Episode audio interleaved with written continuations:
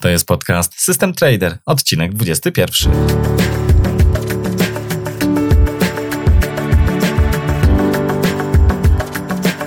Interesujesz się inwestowaniem na rynkach kapitałowych? Szukasz swojego sposobu na oszczędzanie i pomnażanie pieniędzy? Zastanawiasz się, jak postawić swoje pierwsze kroki na giełdzie? Ponadto fakty, mity, wywiady i ciekawostki ze świata finansów. To i wiele więcej usłyszysz w podcaście System Trader. Zaprasza Jacek Lempart. Larry Connors to człowiek z ponad 30-letnim doświadczeniem na rynkach finansowych, bardzo poważany w branży, zwłaszcza w kontekście krótkoterminowego handlu algorytmicznego. Jest autorem wielu uznanych pozycji książkowych, takich jak How Markets Really Work czy Short Term Trading Strategies That Work. Larry jest również współautorem książki Street Smarts, którą napisał wraz z Lindą Raszki, z którą miałem przyjemność rozmawiać w odcinku numer 5. Książka ta została wybrana przez Stocks and Commodities Magazine jako klasyka XX wieku pośród książek poświęconych tradingowi. W tym odcinku rozmawiam z Larry o jego najnowszej książce zatytułowanej Buy the Fear, Sell the Greed – Seven Behavioral Quant Strategies for Traders. Jest to świetny dowód na to, że ekonomia behawioralna nie tylko działa, ale można ją skwantyfikować i użyć na rynku. Zachęcam do wysłuchania całego odcinka, gdyż Larry prezentuje w nim kompletną strategię opartą na pewnej obserwacji zachowania się tłumu. Jest to bardzo prosta idea, zarazem bardzo skuteczna i ponadczasowa. Zapraszam do wywiadu. Hello, Larry. Hello, Jason. Uh, thank you very much for being here today on my show. Um, you are a very well known person in the financial industry and author of many great books. Could you please tell us here a bit more about yourself, especially from the perspective of your trading career? Um, sure. So I, I started trading um, a number of decades ago. I started trading on my own in college. Um, I basically um, worked a couple of jobs, had my own business there in college, and was able to take some of the money and begin trading the markets, begin trading the penny stock markets back then. And shortly after um, leaving school, I went to work for Merrill Lynch back in 1982. Um, spent 13 years um, in that on that side of the industry. I was on the sales side of the industry, and ultimately went off to um, trade for myself and also to to build on a research firm beginning in 1994. And from there, we've we've um, we built out the trading markets website. We published a number of books, including Street Smarts with Linda Raschke, and um, it's been a pretty a, a pretty fun ride along the way. I, I came into the industry when the Dow was somewhere around 700. So that was many, um, many, many thousands, uh, many thousands of points ago. Wow, that's very interesting what you say. Thank you for that. So it sounds like you have like uh, almost four decades of of, of uh, trading experience. Yes, that's correct. All right. Um, you have just published your latest book titled "Buy the Fear, Sell the Greed: Seven Behavioral Quant Strategies for Traders." It's a great source for uh, for a discussion, which I believe may be very interesting to most traders on its very first page, in fact, you reject the efficient market hypothesis that states that asset prices uh, fully reflect all available information. Before going into more specific details, could you please explain why many traders are psychologically unable to take trades in times which historically prove to be large urge, high probability trading opportunities? Yes, yes, and, and and that's a great question because that's that's the the, the thesis of the book. And, and um, the statistical backing of the book is that at, at, certain times in certain market conditions, especially on a short term basis, um, fear and greed will overwhelm um, the markets or the individual um, um, stocks themselves, and what happens is irrational behavior will, will occur um, this type of behavior that has occurred is, is essentially inherent in, in, in, humans. This goes back um, centuries and centuries of time. It's hardwired in there. And what happens is there on a very short term basis, prices will become prices will become mispriced. Edges, at least on a look back basis, historically um, have provided edges that we see. We've been able to quantify this over and over again. Some of this um, we, we quantified a few decades ago and as you move forward from the time that we initially did the quantification, you get to see the same behavior repeat itself over and over again. Fear will come into the marketplace, prices will sell off. Um, the the prices of the securities and, um, whether they're markets or, or ETFs or individual stocks will become mispriced over a very short period of time. And then ultimately the fear subsides. And when the fear subsides, the buying comes back in and prices go back and readjust to, to levels where they should be. And that, that's where the healthy edges are in place. Why people can't take, can't, um, oftentimes can't, um, pull the trigger during those times or take the trades during the times. There's a multitude of reasons. Um, n- number one, fear as a whole will tend to seize people's decision making. Um, this is true. Um, this has been true throughout mankind. You could see this um, in the military. You could see this in business. You could see this in the markets. So that makes for rational um, decision making um, over a short term period of time. Number two, there are a lot of controls in place when we start looking at the bigger money that's out there. So when we start looking at, for example, um, institutional money or bank money, there are risk managers that are overseeing the trading desks. And what they're going to do is, even though there are going to be great opportunities for the traders to take advantage of, um, the risk manager's job is to protect the organization. And what they're going to do is, what they often do is they'll, they'll tend to shut those traders down. And those are opportunities that are usually missed. So the traders who are there and able to take advantage of them usually have the edges. And we, have been able to show this now for, for, for many years. And, and now it's, it's come on to be decades for us to be able to show this on a statistical basis. Okay, great. Thank you very much for that, Larry. Very interesting. In your book, basically, you quantified mainly um, edges which are quantified, uh, let's say, uh, by um, driven by the behavioral factors. And does it mean that, in fact, there are times where such analytical tools like technical analysis or fundamental analysis, that there are times it just doesn't work, that the emotions are in the first place? Well, the emotions are, cr- are, creating the edges. I used to believe that the technical factors were there. So, you know, I, I come from a technical um, background, at least initially.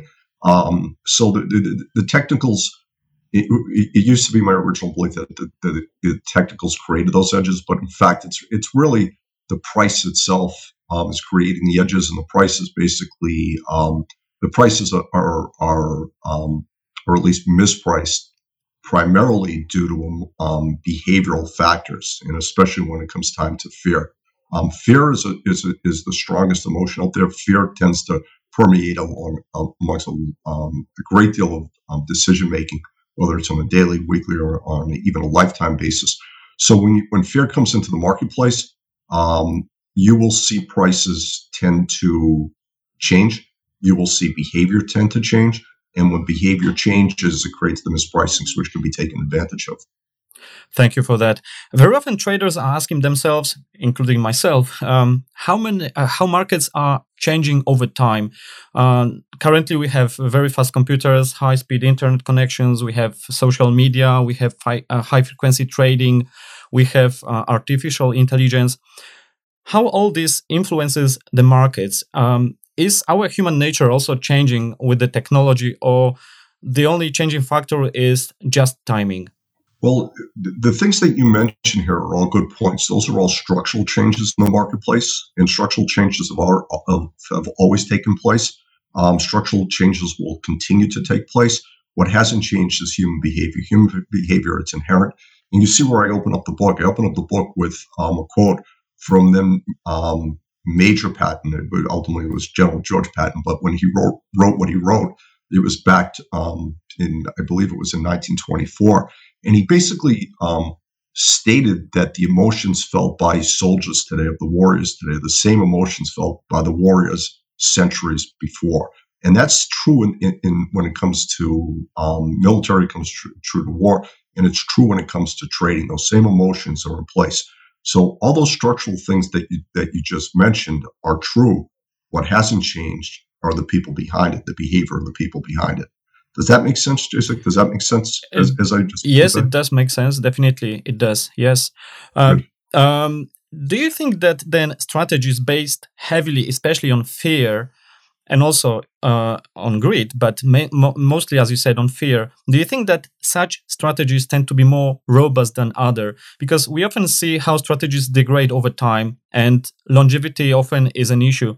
So we may find some market edge which then suddenly disappears once more and more traders notice uh, the same inefficiency. Do you think that if we have a strategy based on fear, um, such strategy may be more robust? Um, I do believe it, it, it is more robust, and, and part of that is is because, as I pointed out in the book, some of the tests, um, some of the strategies in the book, we originally tested um, as much as a decade and a half ago. So we created those strategies, for example, a decade and a half before. So that was on a look back basis. We got a chance then to look forward over the next over the next 15 years, and you could see that in some cases, um, in certain symbols, the strategies actually got stronger during that period of time. So even though they were published in, in the public domain as much as 15 years ago, um, the strategies continue to hold up in, in the testing. Um, the, the behavioral aspect is inherent.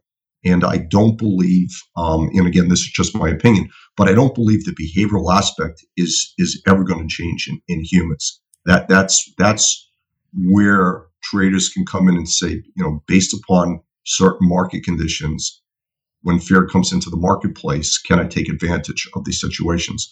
And Jessica, I, I do want to add one thing to here, and I pointed this out in the book. The the the behavior when markets are in bull markets, and I define bull markets as being markets that are above the 200 day moving average, um, tends to be different than behavior below the 200 day moving average. So fear when the markets are rising, so again, above the 200 day moving average, tend to provide, at least historically, have tended to provide better opportunities when they've pulled back than when fear has come into the marketplace when it's below the 200 day moving average. So we, we definitely want to be able to identify what is the longer term emotion in place, what's the, what's the longer term um, sentiment that's in place. We can do that with the 200 day, and then on a shorter term basis, what we can do is use some of the indicators, for example, that um, simple indicators that I pointed out in the book that can allow you um, allow traders to be be able to pinpoint where their entries should be, where their exit should be, and then be able to look back many years and in some case decades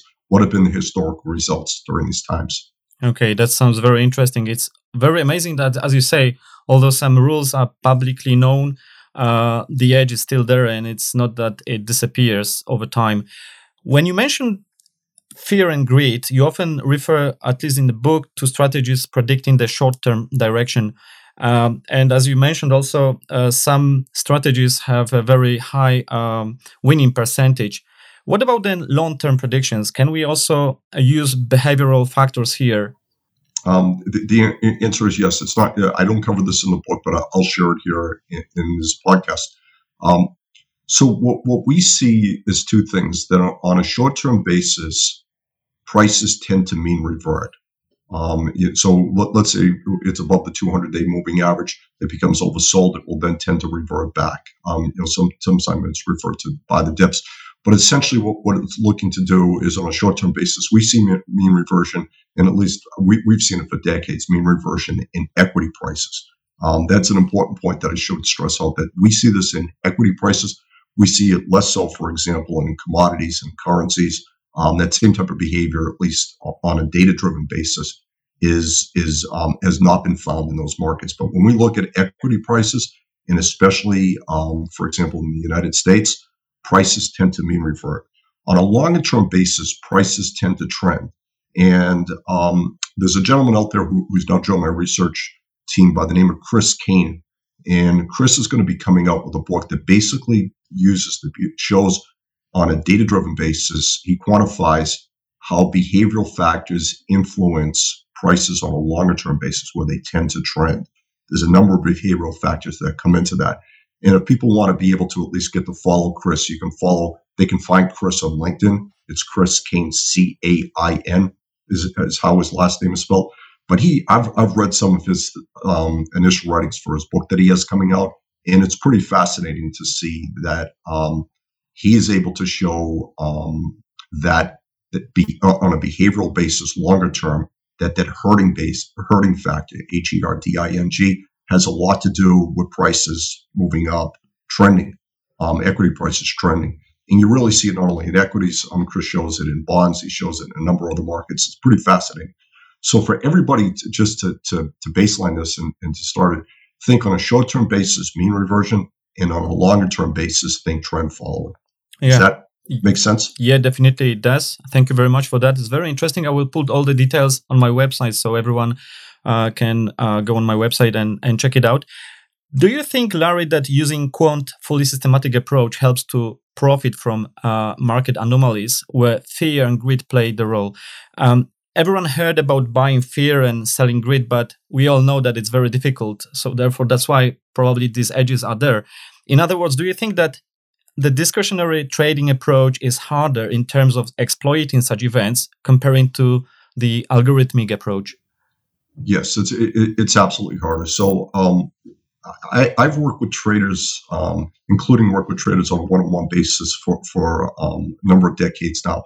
And the the the thing that I the number one thing that I, I see that's the hardest to do is to be able to execute trades when fear is at the greatest. Um, and you know, it, it's fascinating because I, I work with I've worked with a number of traders, whether they range from professional traders, meaning that they were um, on the floor of the exchanges and then they moved their operations, they expanded their operations upstairs, all the way up to people who, um, moving all the way to people who were um, traders that were looking to become full time. They, they, had corporate jobs and they were looking to become full time traders.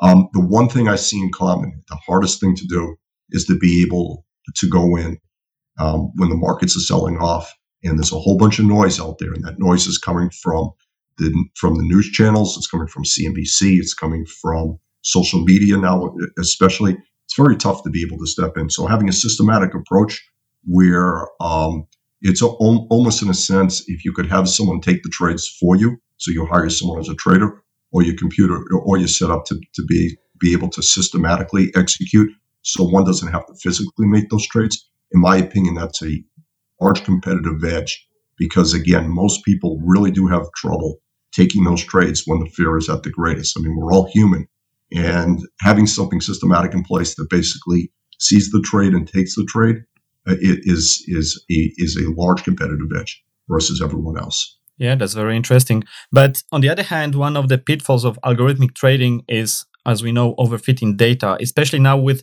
uh, very powerful computers and uh, genetic programming, for example, and so on. Inexperienced traders tend to trade the data, as we say. So even if the underlying yeah. model is not logical, doesn't make any sense.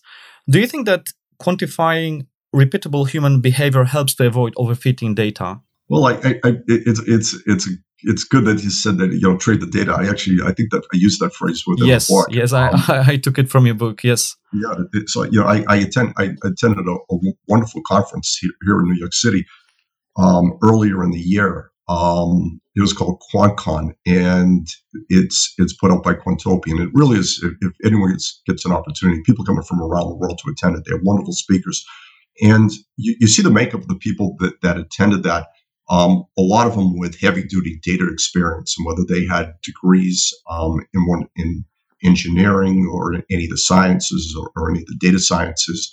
Um, and some of them had um, master's degrees and PhDs, and you could see this trade the data mentality. I could very much see that. Um, trading the data is um, depending upon how that data is is it, it's oftentimes does not work and you know you could see it especially this year. A lot of quant funds are having a lot of difficulty this year. They had, had a lot of difficulty in, in October um, because they were they were you know some, in some cases they were trading the data. And some of these you know major funds had double digit drawdowns for the month, which which is pretty horrendous um, if you think about it. The um, when we start looking at things, number one, I want to try to understand before I'll put a strategy. I, I, take the approach to saying, okay, what is going on here with the market? Why is this going on? What what is the inherent edge that's going in, into place? And then how can I best construct the strategy and ultimately construct it within a portfolio that if I'm wrong, it will um, take the, it, it's not, not going to potentially um, take the account and bring it down double digits. It may, it may, may cause um, a drawdown, but keeping that risk contained. Um, what happens with, with the trade the data is if one doesn't quite understand what is the behavioral aspects behind it, why do these edges exist? Why do these edges exist? Um, what ultimately I, have seen this over and over again. They, they, they, they tend to blow up. These things just stop stop working, and that's simply because they they overfit the data um, or curve fit the data and did things within the data um, one of the rules that maybe everybody can then apply is basically we like to see things with the least amount of rules possible, and you can see that throughout the book. Um, in the in the seven strategies that are in the book, majority of the strategies, uh, in fact, all the strategies only have a small handful of rules and you can understand the reason behind the rules. There's behavioral reasons and aspects behind the rules supported by the historical test results. Warren Buffett is known saying, Be fearful when others are greedy and greedy when others are fearful. And we know also from your research that it can be statistically proven, and in fact, you are proving this in your in your book. But on yes. the other hand, we have approach to trading like long-term trend following, where basically we buy the strength uh, when the market is going up. We are buying the strength, and we are selling when the market is going down. We we, we sell the weakness of the market. Yes. But this yes. seems to be a an opposite idea to what Warren Buffett says, but still it seems to be working. Yep. So uh, it goes back to what we, we were we were talking about a little, a little bit earlier that on, on a shorter term basis, at least what we've been able to to, to show is that, um, that that's where fear and greed comes into place on a shorter term basis. On a longer term basis, it, it, tends to be herding, which which will ultimately um, lead itself to, to trend following. Whether it's whether one is using momentum or absolute momentum or any of the different ways to measure measure that trending. Um, what what Buffett um, has done, which very few very few people have been able to, to replicate, is you know there's multiple pieces to how he goes about doing these things. It's, number one, he's looking at panics, oftentimes look, looking at panics. He certainly did that in, at the end of 2008, early 2009. Um, with two of his investments, he was able to make one of them being in Goldman Sachs. N- number two, he's constructing his positions, and this is an important point because people don't spend enough time on this. Um, and this is something that if, if if people are looking to to grow in any one part of the, their um, trading um, business and in their investing business, that the portfolio construction in, construction of a trade is as important and possibly even more important than the strategy itself. And I'll, I'll explain what this means. So when you take a look at how Buffett puts positions on, um, what he's often doing is he is constructing the positions in such a way that he's risking a fixed amount in order to make a much greater amount. Okay. And maybe we can talk about this a little bit further about what was done, for example, in the housing crisis of 2008 here in the United States with, with the with the bear market. Is it okay if we spend a few minutes on this because I think this will help everyone? Yes, sure, of course. Go ahead, please. So if you look at, at the people who made um, tremendous sums of money, and in some cases, um, for example, John Paulson's case, he he, he became um, became a multi-billionaire in there. What they were doing is they were making a bet that that there was going to be a housing crisis, which was ultimately going to lead to, to a crash in housing prices um, and, and ultimately crushing in the entire credit system. They were right. They were constructing trades, though, in, in some cases, um, they were constructing trades as early as 2004. And they were wrong. In, in many cases, they were wrong. They were just too early. So they were doing 2004, 2005, 2006.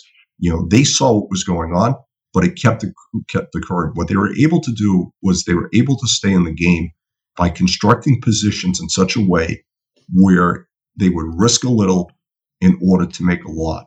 Okay. Options is one way to do that. And then going into some advanced um, construction, um, portfolio construction are, additional ways to be able to do that. That's beyond the scope of this podcast. But as, as you could see, what they did was they were able to construct positions in such a way that when they were right, they were able to make tens and hundreds, in some cases, it was thousands and tens of thousands of times their original investment when the entire um, system collapsed. That's what one wants to be able to do with all this being. Buffett is probably the king of being able to do that. But there are a lot of people, especially um, people who have done it on the short side, who have constructed positions in such a way that if markets moved as they predicted, they were able to risk a little in order to make a lot. One of the best ways to be able to do that is obviously with the option markets and derivative markets, but options especially are, are, are a way to be able to do that. Okay. So again, in looking at, at Buffett, it's not just simply making a, a, market call. It also goes into the way he constructs his position and the way he constructs his portfolio. Okay, very very interesting. Thank you for that. Um, excuse me if I ask uh, too much now, but um, in your book you present uh, seven strategies. Would it be possible? Could you please disclose to my listeners for the good start, let's say, just one strategy, maybe some simple uh, strategy, just to um, so they could feel how uh, what is it about, and if you could describe it also a bit. Sure, sure. So um, when, whenever I whenever I write a book, I tend to um, I tend to open the book with my favorite strategy. So it's um, it, you know a lot a lot of authors will, will, will tend to do that. So the, I, I, did this intentionally. I, I opened the book um, at, at, after the first chapter. I opened the first strategy of the open up the book with the first strategy with the RSI power zones, and it's a very simple strategy. And I did this for a couple of reasons. Um, number one, as you can see, the historical test results are extremely high. And number two, um, these test results, that original strategy was created many, many years ago. And we've gotten the opportunity to, and we bring the reader in there, the opportunity to basically look forward from the time we originally published it to be able to see over the next decade and a half how, how it performed in the test results. And the RSI power zones can be used in um, most equity ETFs from around the globe. And it's simple strategy. It's simply just waiting using a shorter term RSI. In the book, I use it as a four period RSI, but you can use it as a, as a two period RSI, three period RSI, four period RSI. But a four period RSI reading under 30, when the market or, or when that ETF um, is above its 200 day moving average. Okay. Four period RSI goes under 30. Be looking to, to buy a unit. And then if prices go lower anytime you're in the position, um, you double up on that position. And then the exit is just simply waiting for the four period RSI to, to, to move higher. Um, and we can use different levels. We can use 50, 55. You can go all the way up to 70 if you're looking to be a um, longer term, a little bit longer term. But what you see is that that four period RSI, when it's above the 200 day, does a wonderful job of being able to identify when there's fear in the marketplace. And it doesn't mean to it doesn't mean that there's necessarily a great amount of fear, but there's fear and this angst. And what angst means is just simply that if we know, for example, meaning if the market knows that there's going to be a big announcement coming, let's say it's a presidential election, let's say it's uh, a Federal Reserve making the, a decision on interest rates, um, it, whether it's any type of event that's out there, it doesn't necessarily mean that selling is going to occur. What, what it can also mean is just the buying will dry up for a short period of time. Essentially, the buyers are going to say, you know what, I'm going to wait until this event passes before I enter enter the market. So that lack of buying is causing prices. The selling, the natural selling will come in that's not being supported by buying. Okay, they're waiting for that event to to to to, to pass. So the buyers will stand aside. The RSI will come in there below 30. It may go a little bit longer, and then ultimately that event will pass or the fear will lessen, and prices historically have um, reverted back and moved higher. And as, as I show with, with SPY, we're looking back multiple decades with SPY. Um, and in the historical test results, you can see it was approximately 90% of the time within anywhere from between three to seven days, prices were higher. And that's really high percentage trading. Again, we were able to show that um, a decade and a half ago, and we're continually, we're still able to continue to show that as of today. Yeah, that's very, very amazing that basically over 90% of the of this of the trades are winning. And also, just one more thing: there is no stop loss used, right? Yeah. So again, um, that that's you know that that's an interesting point, and it's something that um, has created a lot of discussion that's out there. Um, we when we run certain tests and things in there, um, we will show we will show certain strategies with stops and without stops. We have, for example, different strategies that have profit targets and stops in place. So it's either going to hit the profit target or it's going to hit the stop, one or the other. Um, but what we've seen overall on a, on a mean reversion basis, on a short term basis, is that when you take these same strategies, for example, and put stops in place, and we, we actually ran tests, I showed this in, in a previous book, short term trading strategies that work, that when stops go put, get placed in, and we were using um, stops that would be a couple percent away, and then we went up to 10%, 20%.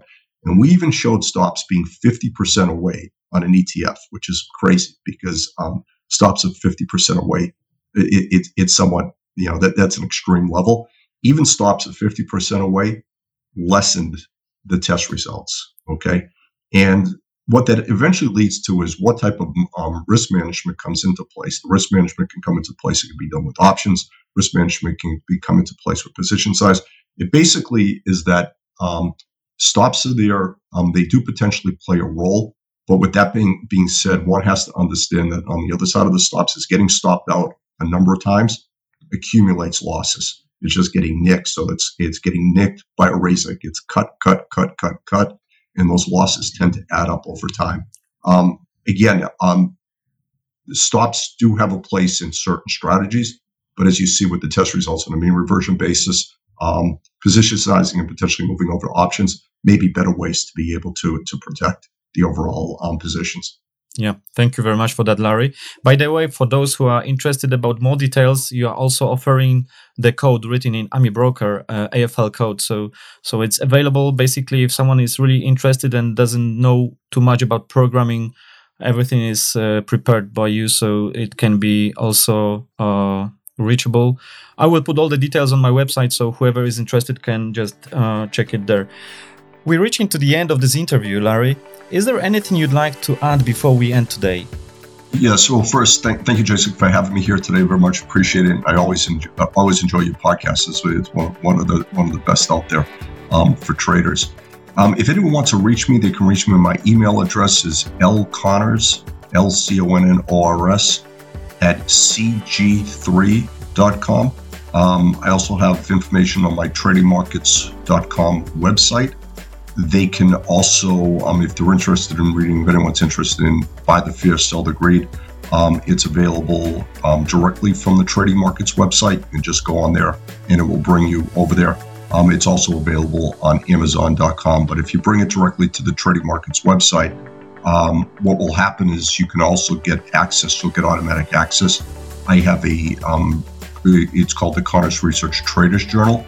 So I put out um, our new research on a, on a timely basis. So if anyone wants to be um, kept updated, and there's no cost to that, if anyone wants to be kept updated on that, um, they'll automatically get that if they purchase Buy the Fear Sell the Greed on the Trading Markets website. All right. Thank you. Thank you so much for being here today with me, Larry, and uh, sharing with us so many valuable knowledge.